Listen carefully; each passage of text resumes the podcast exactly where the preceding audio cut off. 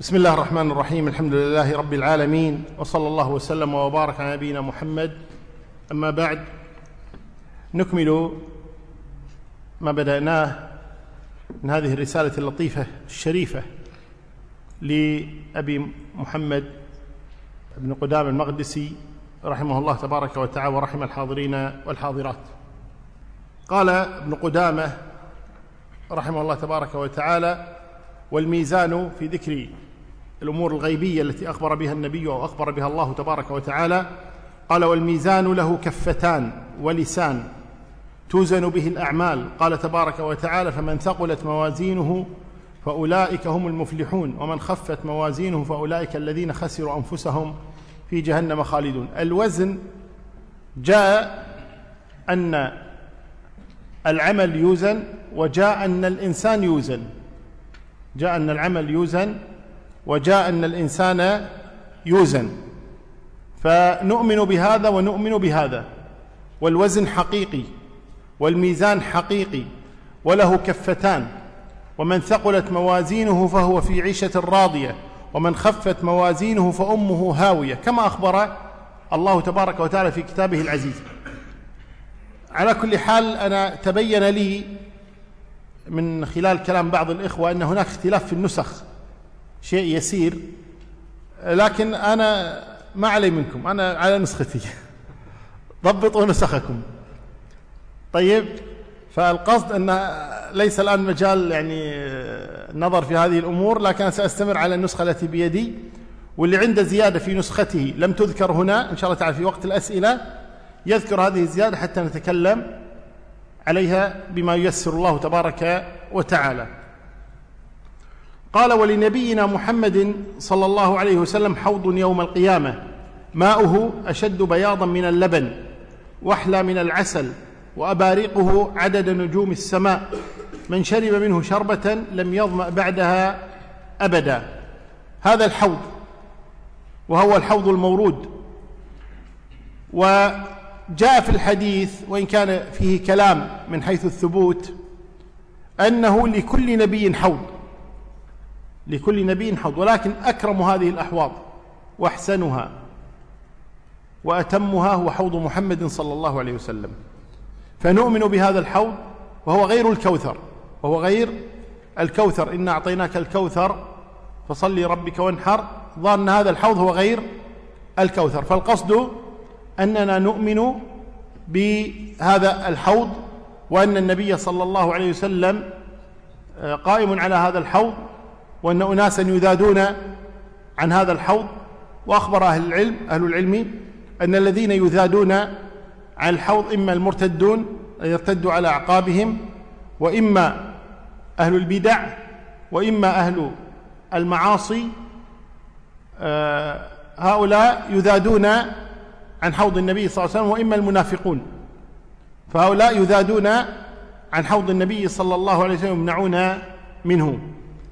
قال والصراط حق يجوزه الأبرار ويزل عنه الفجار. الصراط كما جاء في الحديث وإن كان موقوفا على أبي سعيد إلا إنه له حكم الرفع. جاء في وصف هذا الصراط أنه أدق من الشعرة وأحد من السيف. يمر عليه الناس وثبوتهم على الصراط بقدر ثبوت إقدامهم على الصراط في هذه الدنيا كما يقول ابن القيم رحمه الله تعالى. يقول ابن القيم بقدر ثبوت قدمك على الصراط في هذه الدنيا يكون ثبوت قدمك على الصراط في الآخرة. وهذا الصراط يمر عليه الناس فمنهم من يمر كلمح البصر ومنهم من يمر كسرعة الريح ومنهم من يمر كأجاويد الخيل ومنهم من يمر يجري ومنهم من يمر يمشي ومنهم من يخدش وينجو. فمخدوش ناج ومخدوش مكردس في نار جهنم والعياذ بالله. وهو والصراط هذا جسر فوق جهنم. من نجا وتعدى هذا الصراط يذهب بعد ذلك إلى القنطرة ثم إلى الجنة. ومن خدشه شوك السعدان الذي يكون على هذا الصراط ونجا فهذا سلم. ولكن أصابه من الرعب. الشيء العظيم كما قال النبي صلى الله عليه وسلم أن الناس يمرون على الصراط والأنبياء على جنبتي الصراط ويقول ربي سلم سلم. لأن الموقف مهول عظيم. فمنهم مخدوش ناج ومنهم مخدوش مكردس والعياذ بالله. سواء كانوا من الكفار أو من المنافقين. قد جاء في الحديث أن النبي صلى الله عليه وسلم قال كل ألف يمرون على الصراط ينجو واحد.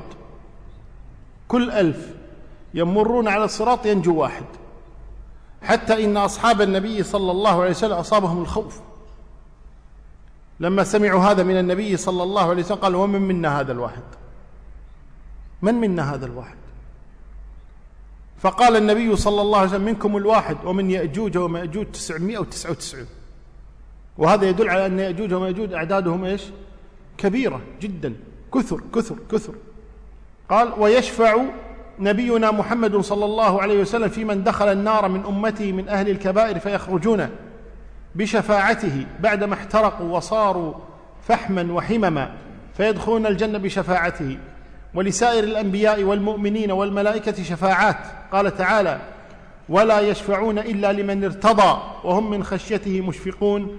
ولا تنفع الكافر شفاعة الشافعين. الشفاعة هي الوساطة. شفع فلان لفلان يتوسط له في جلب خير أو دفع شر. هذه هذا معنى الشفاعة. وأحيانا تكون الشفاعة بالخير وأحيانا تكون الشفاعة بالشر. وأحيانا الإنسان يشفع لمن يستحق وأحيانا يشفع لمن لا يستحق. وهذا في حياتنا الدنيا. أما في الآخرة فالشفاعة لا تكون إلا بإذن من الله تبارك وتعالى. من ذا الذي يشفع عنده إلا بإذنه؟ ما يملك أحد أن يشفع حتى يؤذن له. والشفاعة لا تقبل عند الله تبارك وتعالى إلا أن يكون راضيا عن اثنين عن الشافع وعن المشفوع له. سبحانه إذا يأذن ويرضى لهذا الشافع ويرضى لذلك المشفوع أن يؤتى تلك الشفاعة. فبعض أهل العلم يعبر بثلاثة شروط وبعضهم يعبر بشرطين. فالذي يعبر بثلاثة شروط يقول الإذن والرضا عن الشافع والرضا المشفوع له. والذي يعبر بشرطين يقول الرضا والإذن. الرضا والإذن الإذن بالشفاعة ثم الرضا. يعني قبول هذه الشفاعة قبول هذه الشفاعة. والشفاعة تنقسم إلى قسمين عند أهل العلم. شفاعة خاصة بالنبي صلى الله عليه وسلم وشفاعة عامة له ولغيره. أما ما اختص به النبي صلى الله عليه وسلم فهي ثلاث شفاعات ليست لأحد إلا لنبينا محمد صلى الله عليه وسلم. الشفاعة الأولى هي الشفاعة العظمى وهي الشفاعة لأهل الموقف أن يحكم الله فيهم. عندما يذهبون إلى آدم فيقول اشفع لنا عند ربك ويذهبون إلى نوح وإلى إبراهيم وموسى وعيسى وكل واحد منهم يقول لست لها لست لها. وقد قدر الله تبارك وتعالى وكتب أنها لمحمد صلى الله عليه وسلم. فلما يأتي الناس محمدا يقول أنا لها أنا لها. فهذه الشفاعة العظمى وهي المقام المحمود الذي وعده النبي صلى الله عليه وسلم وهذه خاصة به. الشفاعة الثانية الشفاعة لأهل الجنة بدخولها أي حتى إن أهل الجنة عندما يتجاوزون الصراط ثم يذهبون إلى القنطرة فيتجاوزون القنطرة يأتون إلى باب الجنة لا يفتح إلا بشفاعة محمد صلى الله عليه وسلم. لا يفتح لهم الباب. فعندما يشفع النبي صلى الله عليه وسلم يؤذن لهم ويدخلون الجنة. وهذه الشفاعة الثانية.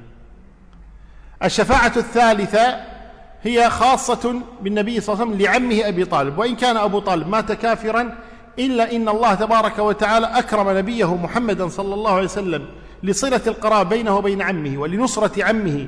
أبي طالب للنبي صلى الله عليه وسلم ودفاعه عنه ووقوفه معه وصد المشركين لذلك الله تبارك وتعالى أكرم نبيه محمدا صلى الله عليه وسلم وقبل شفاعته بعمه أبي طالب في أن يخفف عنه العذاب لا أن يخرجه من النار ولكن يخفف عنه العذاب. فهذه ثلاث شفاعات خاصة بالنبي صلى الله عليه وسلم. ثم تأتي بعد ذلك الشفاعات الأخرى للنبي محمد ولغيره من الأنبياء والملائكة والصالحين والشهداء وغيرهم. فيشفع الأب لابنه والابن لأبيه والنبي لأمته آه، في هناك شفاعة لأهل الكبائر كما قال النبي صلى الله عليه وسلم شفاعتي لأهل الكبائر لكن هذه ليست خاصة بالنبي. فالنبي يشفع لأهل الكبائر والأنبياء يشفعون لأهل الكبائر والملائكة تشفع لأهل الكبائر والناس بعضهم لبعض يشفعون لأهل الكبائر كما جاء في الحديث أن الشهيد يشفع لسبعين من أهله كل قد حكم عليه بالنار. وهؤلاء أهل الكبائر لا شك. فيشفع لأهل الكبائر ويشفع لمن حكم عليه بالنار ألا يدخلها ويشفع لمن دخل الجنة أن ترتفع درجته. والذين آمنوا واتبعتهم ذريتهم بإيمان ألحقنا بهم ذريتهم أي بالشفاعة. يرفع الله الآباء للأبناء أو يلحق الأبناء بالآباء ولا يلحق الأعلى بالأدنى وإنما يلحق الأدنى بالأعلى كرما منه وفضل. وفضلا سبحانه وتعالى. إلى أن يأتي يوم لا يبقى مؤمن إلا دخل الجنة سواء عذب في النار أو لم يعذب. فيكون الناس بعد ذلك فريقين فريق في الجنة وفريق في السعير. قال والجنة والنار مخلوقتان لا تفنيان فالجنة مأوى أوليائه والنار عقاب عقاب لأعدائه. وأهل الجنة فيها مخلدون إن المجرمين في عذاب جهنم خالدون. لا يفتر عنهم وهم فيه مبلسون. ويؤتى بالموت في صورة كبش أملح فيذبح بين الجنة والنار ثم يقال يا أهل الجنة خلود ولا موت ويا أهل النار خلود ولا موت. الجنة موجودة مخلوقة والنار موجودة مخلوقة. وقد جاء في الحديث أن الله لما خلق الجنة طلب من جبريل أن يذهب إليها وينظر. فذهب إليها ونظر قال وبعزتك لا يسمع بها أحد إلا دخلها. ثم خلق النار وقال اذهب وانظر فيها. فنظر فيها قال والله لا يسمع بها أحدا فيدخلها. أحد فيدخلها. ثم حفت الجنة بالمكاره وحفت النار بالشهوات. ثم قيل له انظر. فنظر في الجنة قال والله خشيت ألا يدخلها أحد. ونظر في النار أي والشهوات التي حولها قال خشيت ألا يسلم منها أحد. فالجنة إذا موجودة والنار إذا موجودة والله تبارك وتعالى يقول النار يعرضون عليها غدوا وعشيا. والجنة التي دخلها آدم هي الجنة التي تكون مستقر المؤمنين. ولذلك عندما يسأل الناس آدم عليه الصلاة والسلام يقول اشفع لنا عند ربك قال وهل أخرجكم منها غيري؟ يعني أنا الذي أخرجتكم من الجنة. فالقصد أن الجنة مخلوقة والنار مخلوقة. ولا تفنى الجنة وهي دار المؤمنين ولا تفنى النار وهي دار الكافرين. وإنما قال بعض أهل العلم بفناء جزء من النار وذلك أنه قد ثبت أن الناس ثلاثة أقسام. قسم يدخلون الجنة مباشرة وقسم يدخلون النار مباشرة. وهناك قسم آخر وهم أهل الكبائر من المؤمنين. سواء كانوا من أهل الكبائر أو من أهل البدع. لكنهم في الجملة موحدون. فلا يعذبون. واختلف أهل العلم. هل يعذبون في النار التي يعذب بها الكافرون والمنافقون؟ أو يعذبون في نار أخرى؟ فمن قال إنهم يعذبون في نار غير النار التي يعذب بها الكافرون والمنافقون يعني أخف من تلك النار قالوا يعذبون فيها فترة ثم يدخلون الجنة ثم بعد ذلك تغلق هذه النار. تفنى هذه النار. وتبقى النار التي فيها الكفار. ومن قال من أهل العلم لا توجد إلا نار واحدة والنار دركات وهؤلاء يكونون في درك من النار غير الدرك الذي فيه الكفار أو المنافقون وإنهم بعد أن يعذبوا يدخلون إلى الجنة وتبقى النار كما هي. هذا القول الثاني لأهل العلم. والله أعلم القول الثاني أقرب لأنه لا دليل على وجود نارين. والظاهر أنها نار واحدة والعلم عند الله تبارك وتعالى. ولكن الشاهد الذي يجب عليه أن نؤمن به أن النار موجودة وأنها لا تفنى والجنة موجودة وأنها والجنة موجودة وأنها لا تفنى. وأن جماعة من المسلمين يدخلون النار ويعذبون فيها ولكن مصيرهم إلى النار ولا يخلد في النار مسلم. لا يخلد في النار رجل يقول أشهد أن لا إله إلا الله محمد رسول ما لم يكن منافقا. لكن المسلم الموحد وإن ارتبك ارتكب ما ارتكب من المعاصي ووقع ما وقع في البدع فإن مصيره إلى الجنة. قال ومحمد رسول الله خاتم النبيين وسيد المرسلين. لا يصح إيمان عبد حتى يؤمن برسالته ويشهد بنبوته ولا يقضى بين الناس في القيامة إلا بشفاعته ولا يدخل الجنة ولا تدخل الجنة أمة إلا بعد دخول أمته. هذا إكرام من الله لهذا النبي الكريم صلوات الله وسلامه عليه أنه أول من يدخل الجنة وأن أمته أول الأمم دخولا إلى الجنة. قال هو صاحب اللواء الحمدي والمقام المحمود والحوض المورود وهو إمام النبيين وخطيبهم وصاحب شفاعتهم. أمته خير الأمم وأصحابه خير أصحاب الأنبياء عليهم السلام. قال وأفضل أمتي أبو بكر الصديق ثم عمر الفاروق ثم عثمان ذو النورين ثم علي المرتضى رضي الله عنهم أجمعين. لما روى عبد الله بن عمر رضي الله عنهما قال كنا نقول والنبي حي أفضل هذه الأمة بعد نبيها أبو بكر ثم عمر ثم عثمان ثم علي فيبلغ ذلك النبي فلا ينكره. هنا كما ذكرنا فيما سبق أن المؤلف رحمه الله تبارك وتعالى إنما ذكره من حفظه وذكر علي ليس ليس موجودا في هذا الحديث والحديث موجود في صحيح البخاري. عن عبد الله بن عمر قال كنا نقول والنبي حي أبو بكر ثم عمر ثم عثمان ثم نسكت. وفي رواية عند الطبراني يقول وكان النبي يسمعنا. وليس فيها ذكر علي رضي الله عنه وإنما ذكر علي جاء من أحاديث أخرى وبإجماع هذه الأمة أن علي رضي الله عنه هو أفضل الناس بعد هؤلاء الثلاثة. وأما ذكره بنص الحديث هكذا حديث ابن عمر فليس فيه ذكر علي رضي الله عنهم أجمعين. قال وصحت الرواية عن علي رضي الله عنه أنه قال خير هذه الأمة بعد نبيها أبو بكر ثم عمر ولو شئت لسميته الثالث. وجاء من طريق آخر أن ولده محمدا قال له ولد علي بن أبي طالب قال له من خير الناس بعد رسول الله؟ قال أبو بكر. قال ثم أنت؟ قال ثم عمر. قال ثم أنت؟ قال إنما أنا رجل من المسلمين. فالقصد أن أبا بكر وعمر أفضل هذه الأمة باتفاق أهل العلم أن أفضل أمة محمد صلى الله عليه أفضل أصحابه أبو بكر ثم عمر. واختلفوا في عثمان وعلي. فبعض أهل العلم قدم عثمان وبعضهم قدم عليا وبعضهم ساوى بينهما والأكثر على تقديم عثمان. الأكثر على تقديم عثمان على علي. والبعض قدم عليا والبعض توقف فيهما. قال هما في درجة واحدة. وأي الأمرين كان كلهم من أهل الجنة. وكلهم من المقربين. وكلهم من السابقين. وكلهم مع محمد صلى الله عليه وسلم. ورضي عنهم أجمعين. قال وروى أبو الدرداء عن النبي صلى الله عليه وسلم قال ما طلعت الشمس ولا غربت بعد النبيين والمرسلين على أفضل من أبي بكر. هذا لا يصح لا يثبت. قال هو حق خلق الله بالخلافة بعد النبي صلى الله عليه وسلم لفضله وسابقته وتقديم النبي له في الصلاة على جميع الصحابة رضي الله عنهم وإجماع الصحابة على تقديمه ومبايعته ولم يكن الله ليجمعهم على ضلاله.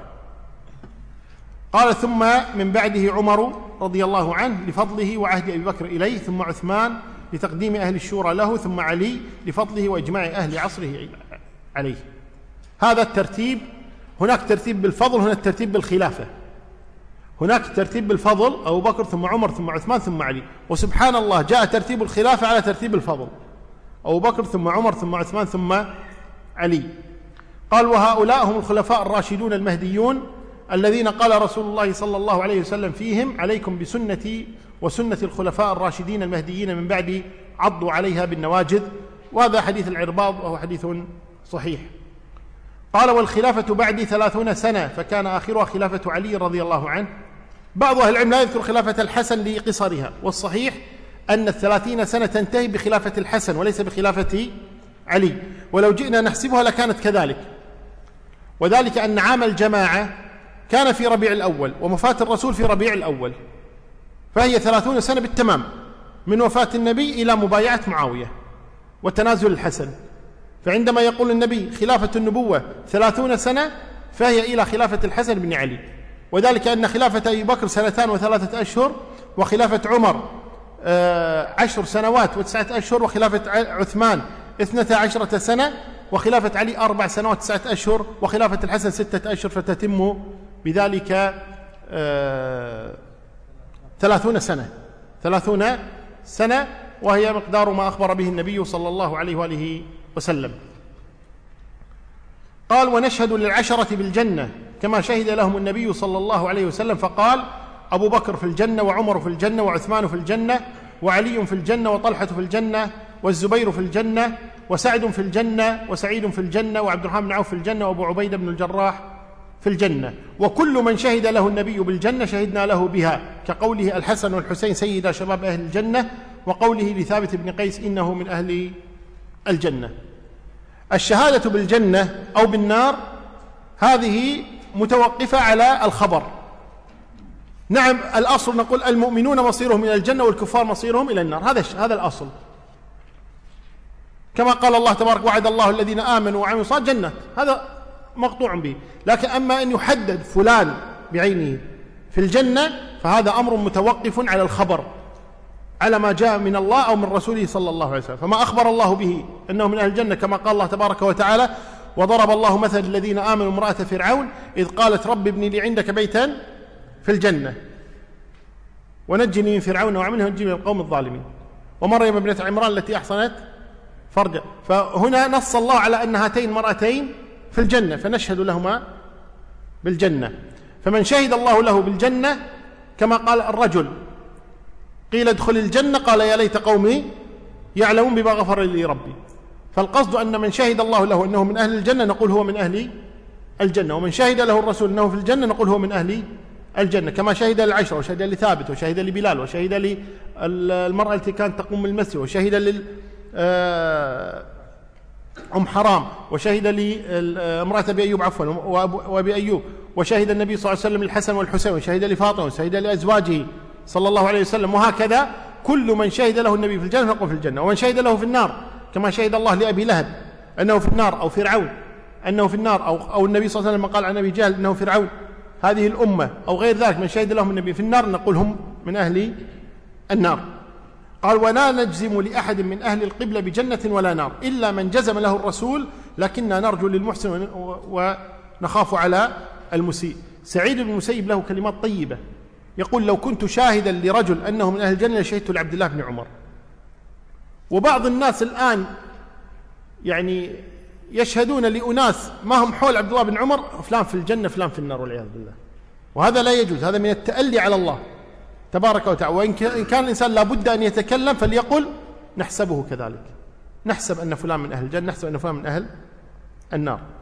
وقد جاء في الحديث أن النبي صلى الله عليه وسلم قال أنتم شهداء الله في أرضه فمن أثنيتم عليه خيرا كان من أهل الجنة ومن أثنيتم عليه شرا كان من أهل النار. وذلك أنه مرت جنازة فأثنى الناس عليها خيرا فقال النبي هو من أهل الجنة. ومرت جنازة فأثنى الناس عليها شرا فقال النبي هو من أهل النار. هذا في الغالب فيما يظهر للناس أنهم يثنون أو يسيئون آه، على آه، للناس في كلامهم. قال ولا نكفر أحدا من أهل القبلة بذنب ولا نخرجه عن الإسلام بعمل. يعني مطلق الذنوب هكذا من يفعل ذنبا يقول كافر لا يجوز هذا. وإنما هناك أمور إذا فعل الإنسان يكون كافرا. وقد نص أهل العلم أن الكفر أو الخروج من دين الله تبارك وتعالى يكون بأربعة أشياء. إما بالقول وإما بالعمل. طيب؟ يعني إما أشياء قولية وإما أشياء فعلية وإما أشياء شكية وإما أشياء اعتقادية. هذه الأشياء وكل واحدة من هذه الأربعة تحتها أمور كثيرة. فمن القولية سب الله سب الرسول دعاء غير الله تبارك وتعالى وغير ذلك. ومن العملية إهانة المصحف آه، قتل النبي آه، الاستهزاء بالدين هذه الأشياء العملية. من الأشياء الاعتقادية أن يعتقد كذب الأنبياء أن يعتقد عدم وجود الجنة وعدم وجود النار. أشياء الشكية أن يشك بوجود الله أن يشك بصدق النبي وهكذا. هذه كلها كل واحدة من هذه الأربعة تدخل تحتها أشياء كثيرة.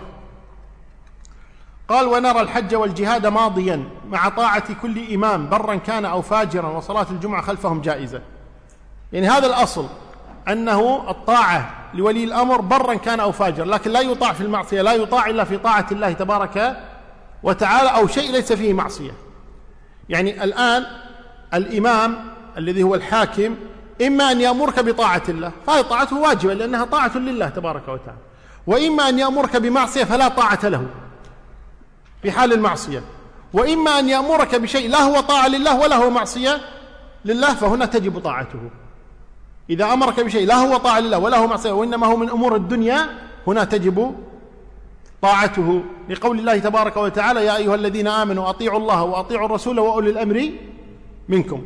فأمر بطاعة صحيح لم يجعلها كطاعة الله وطاعة الرسول أنه قال أطيعوا الله فجعلها طاعة خاصة أطيعوا الرسول وجعل طاعة ولم يقل أطيعوا أولي الأمر وإنما قال وأولي الأمر. لماذا؟ لأن طاعة الله معصومة طاعة الرسول معصومة طاعة أولي الأمر قد لا تكون خيرا قد تكون في شر لأنهم قد يأمرون بالباطل وقد يأمرون بالشر بل قد يأمرون بالكفر. أما الرسول لا يمكن أن يأمر بالكفر والله لا يأمر بالكفر أبدا. فإذا جعل طاعة الله تبارك وتعالى طاعة مستقلة أطيعوا الله. وجعل طاعة الرسول طاعة مستقلة وأطيعوا الرسول. أما ولي الأمر فلم يجعل طاعته مستقلة فلم يقل وأطيعوا أولي الأمر وإنما قال وأولي الأمر. فصارت طاعتهم تبعا لطاعة الله ورسوله. وإذا جاء بعدها قال فإن تنازعتم في شيء فردوه إلى الله ورسوله. ولم يقل إلى أولي الأمر. وذلك أن أولي الأمر قد لا يكونوا معصومين بل لا يكونوا معصومين أصلا. وهذا فيه رد على الشيعة في هذه المسألة. عندما يقولون إن أولي الأمر هنا المعصومون نقول لماذا لم يقل أطيعوا أولي الأمر؟ ولماذا لم يأمر بالرد إليهم؟ إذا كانوا هم المقصودين في هذه الآية. ولا شك أن هذا ضرب من الكذب. قال أنس قال النبي صلى الله عليه وسلم ثلاث من أصل الإيمان الكف عمن قال لا إله إلا الله ولا نكفره بذنب ولا نخرجه من الإسلام بعمل والجهاد ماض منذ بعثني الله عز وجل حتى يقاتل آخر أمة الدجال لا يبطله جور جائر ولا عدل عادل والإيمان بالأقدار. رواه أبو داود. هذا الحديث إسناده ضعيف لكن المعاني التي فيه كلها صحيحة. لكن كون ننسبه إلى النبي صلى الله عليه وسلم لم يثبت. قال ومن السنة تولي أصحاب رسول الله صلى الله عليه وسلم محبتهم وذكر محاسنهم والترحم آه، والترحم عليهم والاستغفار لهم والكف عن ذكر مساوئهم وما شجر بينهم واعتقاد فضلهم ومعرفة سابقتهم قال الله تعالى والذين جاءوا من بعدهم يقولون يعني هذا الواجب عليك. ربنا اغفر لنا ولإخواننا الذين سبقونا بالإيمان ولا تجعل في قلوبنا غلا للذين آمنوا. وقال محمد رسول الله والذين معه أشداء على الكفار رحماء بينهم. وقال النبي صلى الله عليه وسلم لا تسبوا أصحابي فإن أحدكم لو أنفق مثل أحد ذهبا ما بلغ مد أحدهم ولا نصيفه. هنا في قول المؤلف رحمه الله تعالى ومن السنة تولي أصحاب النبي صلى الله عليه وسلم. يعني من الولاء والبراء. يعني نتولاهم ونبرأ من أعدائهم ومحبتهم أن نحبهم وذكر محاسنهم والترحم عليهم والاستغفار لهم والكف عن ذكر مساوئهم. شوف والكف عن ذكر مساوئهم يعني لهم مساوئ؟ نعم بشر هم غير معصومين. النبي هو المعصوم. صلى الله عليه وسلم. أما أصحابه غير معصومين كما أن لهم حسنات لهم أخطاء. وهذا أمر طبيعي جدا في الإنسان أنه كما له حسنات له أخطاء. ولكن عندما ينظر الإنسان في مقدار حسناتهم ومقدار سيئاتهم لا يجدها شيئا أبدا. ولذلك يكفوا عما وقع عندهم من الأخطاء رضي الله عنهم وأرضاهم. ولا نذكرهم إلا بخير ونكل أمرهم إلى الله تبارك وتعالى ونترحم عليهم ونقول كما قال الله تبارك وتعالى. انظروا ماذا قال الله تبارك وتعالى. لما ذكر الله تبارك وتعالى الفيء قال ما أفاء الله على رسول من أهل القرى فلله وللرسول ذي القربى واليتامى والمساكين وابن السبيل. ثم قال الله تبارك وتعالى في تحديد هذا الفيء لمن يذهب. قال للفقراء المهاجرين الذين أخرجوا من ديارهم وأموالهم. يبتغون فضلا من الله ورضوانه وينصرون الله ورسوله. أولئك هم الصادقون. هذا القسم الأول. الذين يستحقون الفيء قال والذين والذين تبوأوا الدار والإيمان من قبلهم يحبون من هاجر إليهم ولا يجدون في صدورهم حاجة مما أوتوا ويؤثرون على أنفسهم ولو كان بهم خصاصة ومن يوق شح نفسه فأولئك هم المفلحون. إذن هذا القسم الثاني وهم الأنصار. جاء القسم الثالث قال والذين جاءوا من بعدهم. من الذين جاءوا من بعدهم؟ نحن ومن سبقنا ومن يلحقنا قال والذين جاءوا من بعدهم. ماذا أمرهم الله أن يقولوا قولا؟ ما هو؟ قال والذين جاءوا من بعدهم يقولون ربنا اغفر لنا ولإخواننا الذين سبقونا بالإيمان ولا تجعل في قلوبنا غلا للذين آمنوا ربنا إنك رؤوف رحيم. فبين الله تبارك وتعالى الواجب على الذين يأتون من بعدهم وهكذا يجب عليه أن آه، نلتزم ما أمر الله تبارك وتعالى به. قال ومن السنة الترضي عن أزواج النبي صلى الله عليه وسلم أمهات المؤمنين المطهرات المبرآت من كل سوء. أفضلهم خديجة بنت خويلد وعائشة الصديقة بنت الصديق التي برأها الله في كتابه زوج النبي في الدنيا والآخرة. فمن قذفها بما برأها الله منه فقد كفر بالله العظيم. اتفق أهل العلم على أن أزواج النبي صلى الله عليه وسلم كلهن في الجنة. كما قال الله تبارك وتعالى وأزواجه أمهاتهم. وشهد عمار بن ياسر لها في الجنة فقال أشهد أنها في الجنة. فأم المؤمنين عائشة في الجنة وخديجة في الجنة وصفية في الجنة وأم حبيبة وأم سلمة وهكذا. أزواج النبي أمهاتنا كلهن في الجنة. فما فكما كنا رفيقات النبي صلى الله عليه وسلم في هذه الدنيا فهن رفيقاته في الجنة. بل إن آه، ابن حزم رحمه الله تبارك وتعالى يقول أمهات المؤمنين أفضل من أبي بكر وعمر وعثمان وعلي. لماذا يقول؟ لأنهن في درجة النبي في الجنة. فدرجتهن أعلى في الجنة لأنه مع لأنهن مع النبي صلى الله عليه وسلم فهن أفضل من أصحاب النبي صلى الله عليه وسلم الباقين. هذا رأي لابن حزم وإن خالفه جماهير أهل العلم بل قالوا أفضل أصحاب النبي أبو بكر ثم عمر ثم عثمان ثم علي. على كل حال المهم أنهم في الجنة. ولكن الخلاف الذي وقع بين أهل العلم من أفضل أزواج النبي صلى الله عليه وسلم؟ اتفق أهل العلم على أن أفضل أزواج النبي صلى الله عليه وسلم خديجة وعائشة. ولكن اختلفوا أيهما أفضل من الأخرى. وهذا الخلاف لا ينبني عليه شيء. المهم أن نؤمن أنهن في الجنة وأن عائشة وخديجة أفضل نساء النبي صلى الله عليه وسلم والفضل بينهما والفرق يسير. ولكن الظاهر والله العالم أن خديجة أفضل بدليل أن النبي صلى الله عليه وسلم بلغ عائشة السلام من جبريل بينما بلغ خديجة السلام من الله سبحانه وتعالى. وقال إن الله يبلغك السلام. لكن عائشة قال لها إن جبريل يبلغك السلام. فقالوا التي يبلغها الله أفضل من التي يبلغها جبريل. السلام. على كل حال المسألة هذه ليس يترتب عليها كبير علم. قال فمن قذفها بما برأها الله منه فقد كفر بالله العظيم. هذا بإجماع أهل المسلمين. أن من اتهم عائشة بالزنا فهو كافر لأنه مكذب لله تبارك وتعالى. واختلف أهل العلم في من قذف غيرها من أمهات المؤمنين. هل هو أيضا كافر؟ الذي عليه الجمهور كذلك. أنه كافر. بل من قذف زوجة نبي فهو كافر. سواء كنا زواج النبي صلى الله عليه وسلم أو زوجة نوح أو زوجة إبراهيم أو نوح أو, أو عيسى أو موسى. عيسى ما تزوج ولا لا؟ عيسى تزوج؟ المشهور أنه لم يتزوج. طيب من قذف زوجة نبي فهو كافر. قال ومعاوية خال المؤمنين وكاتب وحي الله أحد خلفاء المسلمين رضي الله عنه خص معاوية هنا لأنه كما قال الإمام أحمد معاوية قنطرة. من تجاوزها وقع في أصحاب النبي صلى الله عليه وسلم. فالقصد لأنه قاتل عليا فمن بعض الناس قد يحمل عليه شيئا. فإذا خص معاوية هنا بالذكر وإلا ليس معاوية خال المؤمنين فقط عبد الله بن عمر خال المؤمنين. كل من كان أخا لإحدى زوجات النبي صلى الله عليه وسلم فهو خال المؤمنين. لأن, لأن أخته أم المؤمنين فهو خال المؤمنين وإنما خص معاوية للرد على من تكلم فيه رضي الله عنهم أجمعين. قال ومن السنة السمع والطاعة لأئمة المسلمين وأمراء المؤمنين برهم وفاجرهم ما لم يأمروا بمعصية فإنه لا طاعة لأحد في معصية الله. قال ومن ولي الخلافة واجتمع عليه الناس ورضوا به أو غلبهم بسيفه حتى صار الخليفة وسمي أمير المؤمنين وجبت الطاعة وحرمت المخالفة والخروج عليه وشق عصا المسلمين محرم. إذا لا يجوز الخروج على الحاكم المسلم طالما أنه مسلم. ولذلك النبي صلى الله عليه وسلم ذكر من جور الأمراء قالوا أفلا ننابذهم بالسيف؟ قال لا ما أقاموا فيكم الصلاة. طالما أنه يصلي إذن هو مسلم إذا لا يجوز الخروج عليه. هذا الذي أخبر به النبي صلى الله عليه وسلم ويجب السمع سواء جاءته الخلافة بالوراثة أو جاءته الخلافة بالشورى أو جاءته الوراثة يعني من سبق سواء وراثة آه، ذرية أو وراثة نص نص عليه. أو جاءته الخلافة بالشورى واختيار المسلمين. لا أو جاءته الخلافة بالغلبة.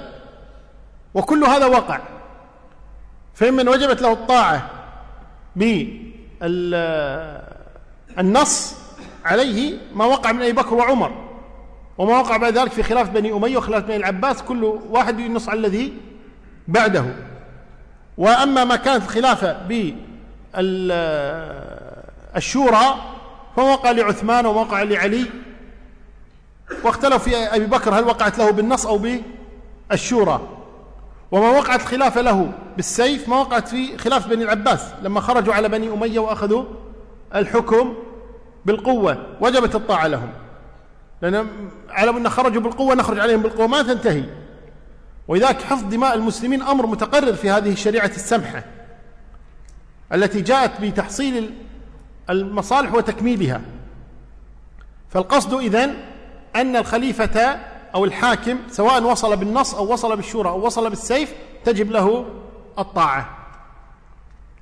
قال ومن السنة هجران أهل البدع ومباينتهم وترك الجدال والخصومات في الدين وترك النظر في كتب مبتدعة والإصغاء إليهم إلى كلامهم وكل محدثة في الدين بدعة وكل متسم بغير الإسلام والسنة مبتدع كالرافضة والجهمية والخوارج والقدرية والمرجئة والمعتزلة والكرامية والكلابية ونظائرهم فهذه فرق الضلال وطوائف البدع أعاذنا الله منها. فالقصد إذن أن هجر أهل البدع هذه سنة ماضية وهي هجر المبتدع ولكن الهجر لابد أن يعلم والهجر ليس خاصا خاصا بالمبتدع. الهجر حتى لأصحاب المعاصي كما هجر النبي صلى الله عليه وسلم كعب بن مالك ومن معه. الهجر علاج. الهجر دواء. فإذا غلب على الظن أن هذا الدواء ينفع مع هذا الإنسان استخدم. كما نستخدم الدواء. وإذا ظن أن هذا الدواء لا يصلح مع هذا الإنسان لم يستخدم. فلو رأينا إنسان مبتدعا لكنه سهل ممكن أن يقبل ممكن أن ندعوه ممكن أن آه، نهديه. فلا نهجره بل نقرب منه ونناديه ونناجيه وهكذا حتى يستقيم. وكذلك صاحب المعصية. وإنما يهجر الذي نشعر أنه لا نفع فيه ولا فائدة وأنه قد يئسنا منه يهجر تأديبا له وتحذيرا لغيره. قال وترك النظر في كتاب في كتب المبتدعة. لأن إذا دخلت الشبهة إلى القلب صعب بعد ذلك أن تخرج. نعم. ثم ذكر أصناف المبتدعة وهذه التي كانت في زمانه. فإذا كان في زماننا أو بعد زماننا أيضا يدخل في هذا. فكل مخالف للكتاب والسنة فهو مبتدع. قالوا أما بالنسبة إلى إمام أو وأما بالنسبة إلى إمام يعني إنسان ينتسب إلى إمام في فروع الدين كالطوائف الأربع يقصد الطوائف الأربع اللي هي اشتهرت الحنابلة المالكية الأحناف الشافعية. قال فليس بمذموم فإن الاختلاف في الفروع رحمة. والمختلفون فيه محمودون في اختلافهم مثابون في اجتهادهم واختلافهم رحمة واسعة واتفاقهم حجة قاطعة. هذا الاختلاف الذي يكون في الفقه في مسائل الفقه بين علماء أهل السنة هذا الاختلاف غير مذموم. وإن كان الاجتماع أفضل ولذا قال واجتماعهم حجة قاطعة وهو أفضل. لكن كونهم اختلفوا نفع الله بهذا الاختلاف من حيث أنه كثر الاجتهاد وكثر النظر وكثر البحث واستنباط المسائل وغير ذلك من الأمور. أما أن الاختلاف مطلوب لذاته فهذا لا غير مطلوب بذاته. وكلما كان الناس مجتمعين كلما كان هذا أفضل. تبقى قضية وهو قوله أما بالنسبة إلى إمام في فروع الدين. قضية فروع الدين وأصول الدين هذه المسائل فيها نظر لأهل العلم. بعضهم يقول لا ينبغي أن نقول أصول وفروع الدين كله أصول. أو يقولون لب وقشر. الدين كله لب. بعض أهل العلم عبر عنها بالعملية والعلمية تفريق بين العلمية والعملية وهذا لعله أحسن. وهذا كان تفريق شيخنا رحمه الله تعالى كان يرى تقال العلمية والعملية بدل أصول وفروع أو قشور ولب. لأن من ما يسمونه الفروع ما يسمونه الفروع أربعة أركان من أركان الإسلام. بني الإسلام على خمس شهادة أن لا إله إلا الله وأن محمد رسول الله إقام الصلاة إيتاء الزكاة وصوم رمضان حج البيت. هذه الأربعة كلها يسمونها إيش؟ فروع. كيف فروع وهي أركان؟ الإسلام. فلذلك لو عبر عن هذا بالقول بإيش؟ آه، قولية وعملية أو علمية وعملية عفوا يكون أولى وأحرى. ثم ختم المؤلف رحمه الله بقوله نسأل الله أن يعصمنا من البدع والفتنة ويحيينا على الإسلام والسنة ويجعلنا من يتبع رسول الله صلى الله عليه وسلم في الحياة ويحشرنا في زمرته بعد الممات برحمته وفضله. آمين. وهذا آخر المعتقد والحمد لله وحده وصلى الله على سيدنا محمد وآله وصحبه وسلم تسليما. جزاكم الله خير ونفع بكم. طيب هذه الأسئلة. لا أحد يدز شيء. لا. والله. طيب بس لا أحد يرسل شيء إن شاء الله. وحنا طالعين. طيب. يقول قال ابن قدامة والميزان له كفتان ولسان. ما معنى اللسان هو العمود هذا اللي بين الكفتين. العمود هذا يقال له لسان الميزان. يقول لماذا احتج آدم عليه السلام بالقدر لما سأله موسى عليه السلام وقال النبي صلى الله عليه وسلم فحج آدم موسى؟ آه، الاحتجاج بالقدر يجوز بعد الوقوع في المعصية لكن أثناء الوقوع المعصية أو أو آه، للوقوع في المعصية لا يجوز الاحتجاج بالقدر. يعني الإنسان لو وقع في المعصية وانت احتج بالقدر ما في مشكلة. قدر الله علي وأسأل الله أن يغفر لي. ما في مشكلة. لكن لا يجوز لك أنت ما زلت في المعصية تقول قدر الله علي. أو ستذهب إلى المعصية تقول قدر الله علي. هذا لا يجوز. أما الاحتجاج بالقدر على الوقوع الماضي فهذا لا بأس به وجائز. نعم. يقول ما معنى القديم؟ هل هو اسم أو صفة؟ القديم لا هو اسم ولا صفة. القديم إخبار عن الله يخبر عنه بأنه قديم سبحانه وتعالى يخبر عنه بأنه قديم لا يقال اسم ولا يقال صفة. ما هي القنطرة؟ القنطرة جسر قبل دخول الجنة. في هذا الجسر قول الله تبارك ونزعنا ما في قلوبهم من غل. هنا يتقاص المسلمون بعضهم من بعض أهل الجنة نفسهم. قد يكون اثنان سيدخل الجنة لكن واحد وقع منه ظلم. لأخيه أو خطأ عليه أو اغتاب أو كذا هنا يقتص بين المسلمين يعني ما يدخل الجنة إنسان صفى تمام نسأل الله أن يجعلنا وإياكم من أهلها. يقول هل ورد عن شيخ الإسلام أنه قال قاتلوهم فإن الله ناصركم أو قال فإن الله كتب في اللوح المحفوظ ناصر عبد نعم قريب من هذا. إن الشيخ سام تيمية آه، في المعركة قال والله إنكم لمنصورون. أو إن الله كتب له إنكم منصورون. قالوا قل إن شاء الله. قال والله إنكم لمنصورون. قال قل إن شاء الله. قال والله إنكم لمنصورون. قالوا قل إن شاء الله. قال إن شاء الله تحقيقا لا تعليقا. يعني هذه أخذها شيخ سام تيميه من باب يعني الثقة بالله تبارك وتعالى وأن الله تبارك يقول وإن جندنا لهم الغالبون. فأخذ من هذه. إنا لننصر رسلنا والذين آمنوا. فأخذ من هذه أن الله ينصر طالما من نصر الله فإن الله سينصرهم. وهذه قريب منها ما وقع لشيخ الإسلام تيمية رحمه الله تعالى لما وقع بينه وبين الدجاجلة البطائحية من الرفاعية في زمنه أنهم كانوا يدخلون في النار يقول ما تصيب النار من الصوفية وغيرهم ثم تحداهم شيخ الإسلام تيمية عند الحاكم في ذلك الوقت فأتى برئيسهم فقال له هذا سراج أتي بسراج صغير فيه نار مشتعلة قليلة. قال أدخل إصبعك وادخل إصبعي. ولعنة الله على من أحرق الله إصبعه. فتردد الرجل. قال ما لك؟ أدخل إصبعك. أنت تدخل في النار العظيمة أدخل إصبعك هنا. في النار. الصغيرة هذه فامتنع الرجل.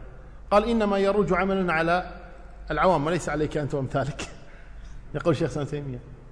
فقيل لابن تيمية وقيل لبعض أهل العلم هل كان ابن تيمية سيفعل؟ قال نعم سيفعل ولن يحترق إصبعه لأن الله سينصر الدين. سبحانه وتعالى. فالإنسان إذا كان ناصرا لدين الله تبارك وتعالى فإن الله ينصره. لابد الإنسان تكون عنده ثقة بالله تبارك وتعالى. أضرب لكم مثالا آخر على حساب الأسئلة. آه ذكر عن خالد بن الوليد رضي الله عنه القصة في إسنادها كلام لكنها مشهورة جدا وتناقلها أهل العلم. ذكر عن خالد بن الوليد لما دخل بلاد فارس جاءه أحد فقال إن الناس خائفون. قال مما؟ قال يقولون إنهم يضعون السم للناس. في طعامهم وشرابهم الناس خايفون من الأكل والشرب خايفين من أهل فارس. فقال ائتوني بسمهم. هاتوا السم. فأتوا بالسم فأعطاه خالد فأخذ السم ثم قال بسم الله. وشرب فلم يضره شيئا. وأذكر أني سألت شيخنا الشيخ ابن عثيمين رحمه الله تعالى عن هذه المسألة. قلت هذا ليس فيه إلقاء باليد إلى الترك. قال ابدا. ليس فيه. قلت لماذا؟ قال لأن القضية قضية عقيدة. خالد بن وليد أراد أن يثبت للناس قل لن يصيبنا إلا ما كتب الله لنا. ولا تخافوا من هذا السم ولا توسوسوا. وإن هؤلاء لن يضروكم إلا بشيء قد كتبه الله عليكم. رفعت الأقلام وجفت الصحف. والأمر قدر وما كتبه الله يكون وما لم يكتبه لن يكون.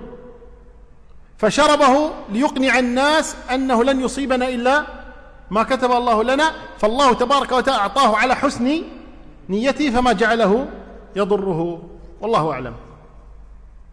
يقول ما رأيك في من يقول يجب أن تشنع على ولي الأمر ولا تتركه على ضلاله. نعم هذا قول الخوارج. الخوارج هذا قولهم أنه يجب التشنيع على ولي الأمر يجب الخروج عليه يجب قتاله هذا قول الخوارج. وأما أهل السنة أبدا لا يقولون مثل هذا الكلام الباطل. وإنما ينصحون لولي الأمر بل وينصحون له سرا. وليس علنا أمام الناس. يقول البعض عندما يقرأ القرآن إذا مر بلفظ الجلالة قال سبحانه سبحانه. وإذا مر بالرسول قال صلى الله عليه وسلم. كل ذلك أثناء القراءة من الحكم؟ لا بأس. ما في بأس. إلا إذا كنت في الصلاة خاصة يعني الجهرية أو كذا أو خلف الإمام فأمسك عن هذه. لكن ما فيها بأس أبدا.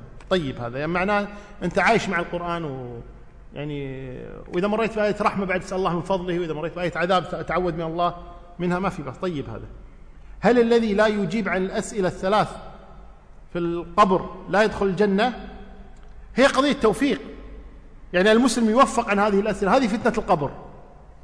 عندما نقول اللهم نعوذ من عذاب القبر فتنة القبر هذه فتنة القبر. وهي يسأل ثلاث أسئلة. من ربك؟ ما دينك؟ ما هذا الرجل اللي بعث فيكم؟ المسلم يوفق. يقول ربي الله ديني الإسلام الرجل اللي بعث محمد صلى الله عليه وسلم. الكافر والمنافق لا يوفق. يقول ها ها لا أدري.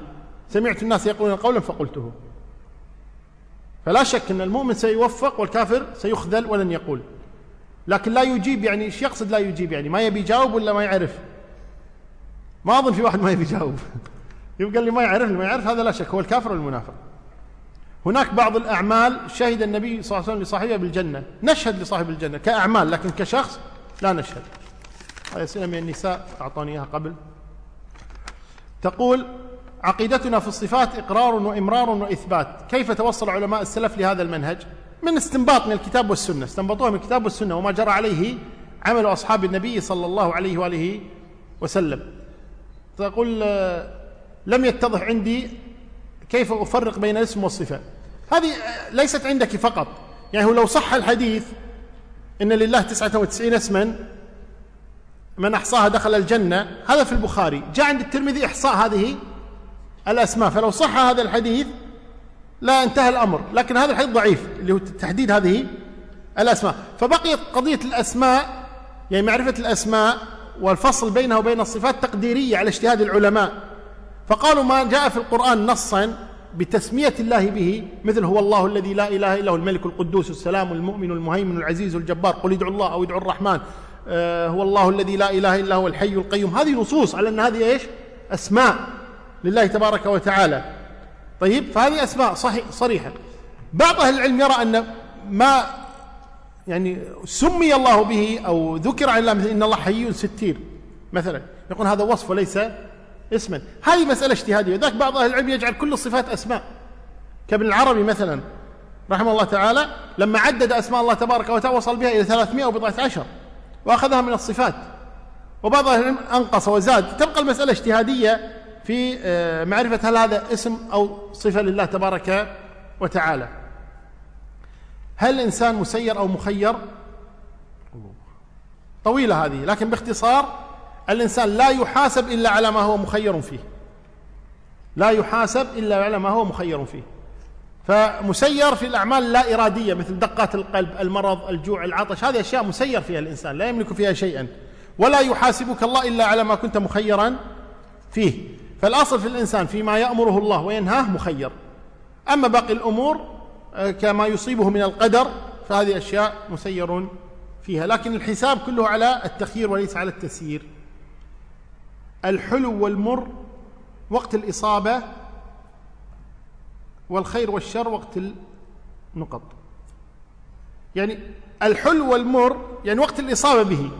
أما الخير والشر نتيجة النتيجة النهائية أنه محصل النهاية هل هو خير أو شر اللي هو العاقبة. يقال له خير أو شر. يقول كيف يكتب لي رزقي وأنا في بطن أمي وقد رفعت الأقلام وجفت الصحف؟ الملك يكتب هذا الرزق. يكتب وأنت في بطن أمك ما, ما, ما سيرزقك الله. مكتوب ولذلك الله تبارك وتعالى يقول ولا تقتلوا أولادكم خشية إملاق. ولا تقتلوا أولادكم خشية إملاق. نحن نرزقهم وإياكم. فرزقهم مكتوب في الآية الأخرى وأن وأن آه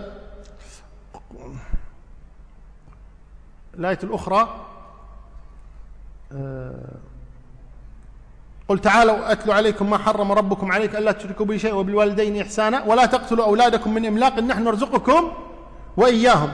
فالقصد هنا أن رزقهم مكتوب فلا تتحير ولا تتردد في قضية الرزق. فأنت كذلك رزقك مكتوب وأنت في بطن أمك ماذا سترزق؟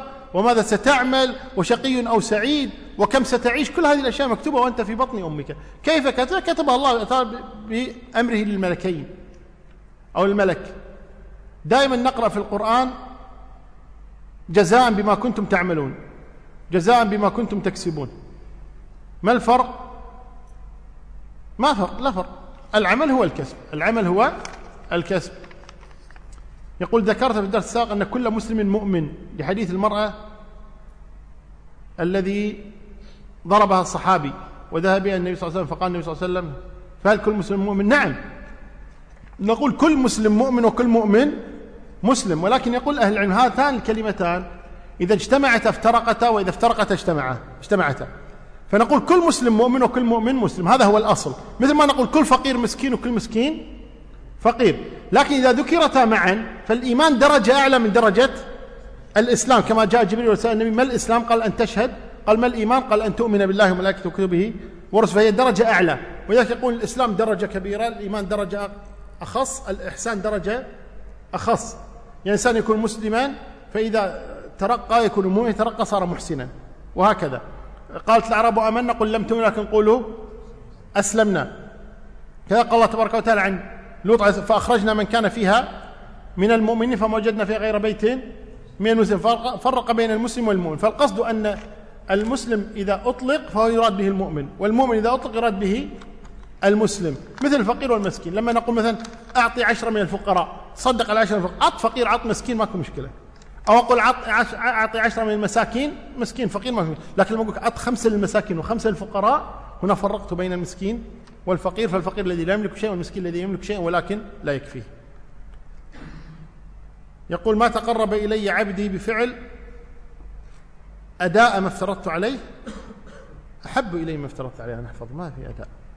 طيب ولا يزال عبدي يتقرب إلي إلى آخر الحديث. ثم قال وما ترددت عن شيء أنا فعلت تردد عن قبض التردد.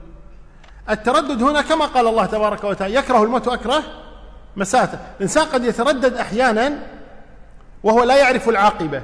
وهذا لا يكون لله لأن الله يعرف العواقب. ولكن أحيانا الإنسان يتردد عارف العاقبة لكن متردد لأنه سيصيبه ببعض الشر مثل شرب الدواء. إنسان يشرب متردد يشرب الدواء لكن يدري شرب الدواء سيكون سببا بشفاء فتردده ليس لأنه لا يعرف العاقبة لكن تردد لأن هم الدواء فيه مرارة. فهو متردد يعني أشرب أو ما أشرب للمرارة التي فيه. فالله تبارك وتعالى يدري أن العاقبة للعبد هذا خير لكن التردد ما يبي أيضا يصيب هذا العبد بأذى لأنه سيبكي أهله وكذا. ما يبيهم يبكون سبحانه وتعالى. فهذا التردد لإيش؟ لما سيحصل لهم من الإيذاء اليسير لقبض هذه النفس. فليس التردد لعدم معرفة العاقبة.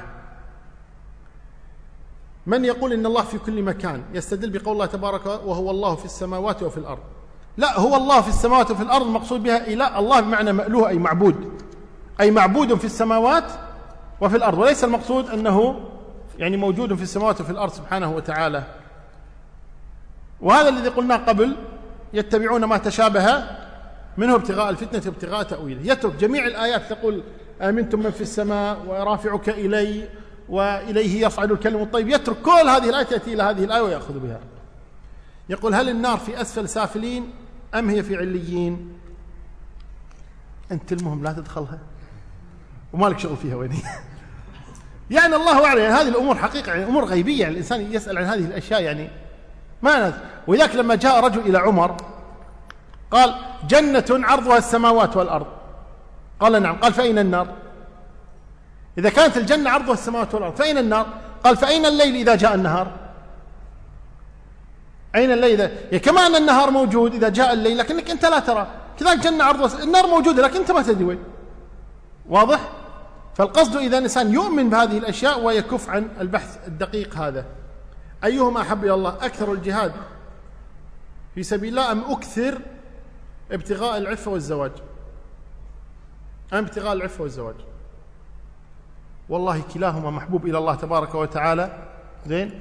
وافعل ما يصلحك. وكلاهما خير. ما حكم التسوي السمي بهذا اسمه العبد الجليل العبد القادر العبد الهادي. لا يجوز. لكن هذا يصير شنو هذا؟ المشكلة يعني هذه الأسماء طيب يعني المقصود بها آل عبد القادر هي. هي آل عبد الجليل. هي مو هذه سهلة المشكلة العبد الله. ها؟ العبد الله. يعني غثيثة ها؟ إي نعم. وإنما هي آل عبد الله. هي آل عبد الله. هذا معناها الصحيح آل عبد الله. لكن تساهل الناس فيطلقونها إيش؟ العبد الله لكن هي لا هي آل عبد الله آل عبد الجليل آل عبد القادر آل كذا وهكذا. لكن الإنسان يحاول كثر ما يقدر يعني بعد لكن الإنسان ما يقصد طبعا هذا. يقول هل المنافق والمبتدع مخلدون في النار؟ أما المنافق نعم أما المبتدع فلا. إذا لم تكن بدعته كفرية. قال تعالى إني متوفيك. ما معناها؟ قال متوفيك أي مميتك. هذا قول لبعض أهل العلم. وجمهور العلماء متوفيك أي آه، قابضك وليس المقصود آه، مثل توفي الدين. مثل توفي الدين آخذ الدين. توفيت ديني يعني أخذت ديني وهذا الذي عليه الأكثر. هل تم تحديد موعد دورة العلام بن عثيمين؟ أجب. إلى الآن. ينتظرون الجواب من الشيخ رحمه الله تعالى. أوه أنا أحسب ورقة واحدة طلعت سبع أوراق هذه مع بعض. هذا تدليس.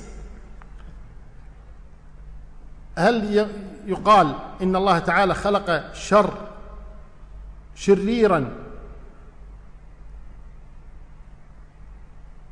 براء صابر وعاصي هل هذا كلام صحيح؟ والله ماني عارف أقراها. إذا قدرت تقراها علمني إياها.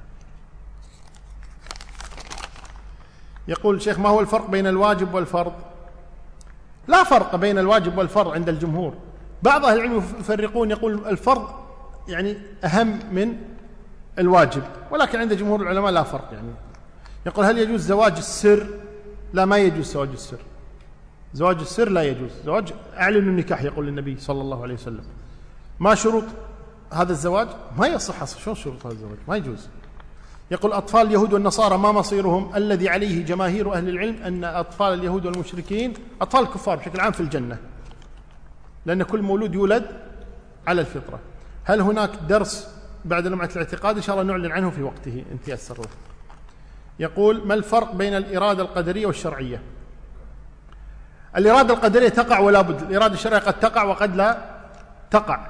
الإرادة القدرية آه، تكون يعني فيما يحب الله وما لا يحب. الإرادة الشرعية ما تكون إلا فيما يحب الله تبارك وتعالى. ما معنى أن الشر يكون في مفعولات الله وليس في أفعاله؟ يعني المفعولات يعني فيما تراه أنت أنه شر لك. طيب؟ لكن آه، فعله هو مو هو شر فعله خير دائما سبحانه وتعالى. هل هناك خلاف بين أهل السنة في أيهما أفضل عائشة أم فاطمة؟ نعم في فرق. آه، في قول نعم إنه عائشة أفضل أو فاطمة أفضل. ألا ترى أن الطرح العقائدي يفتقر للتجديد ومواكبة الفرق والطوائف الحديثة والموجودة الآن كالصوفية والإلحاد والشيعة بدلا من الطوائف المندثرة كالجهمية والمعتزلة. أو إحنا مو قاعد نرد عليها قاعد نذكر عقيدة أهل السنة الآن. ما ما أظن بهذا الكتاب ذكرنا الردود. هنا فقط تأصيل عقيدة أهل السنة فقط وهذا أمر واجب في كل وقت. أما الردود على هذه الفرق فقولنا الجهمية والمعتزلة اندثرت غير صحيح ما زالوا موجودين ترى. لكن تسموا بأسماء أخرى. كل الشيعة الآن بلا استثناء معتزلة في العقل الخوارج كلهم معتزلة في الأسماء والصفات. من يقول اندثروا هؤلاء؟ العقلانيون حاليا كلهم تقريبا معتزلة في الأسماء والصفات. من يقول اندثروا هؤلاء؟ ما هو صحيح هذا الكلام. زين هذا هل هناك فرق بين معنى القضاء والقدر؟ القضاء والقدر شيء واحد. القضاء والقدر شيء واحد. وبعضهم يقول القدر ما كتبه الله والقضاء ما أوقعه لكن ما في دليل على هذا. يقول عندما عرج بالنبي سمع صريف الأقلام فكيف نوفق بين هذا وبين أن الله كتب كل شيء على الخلق؟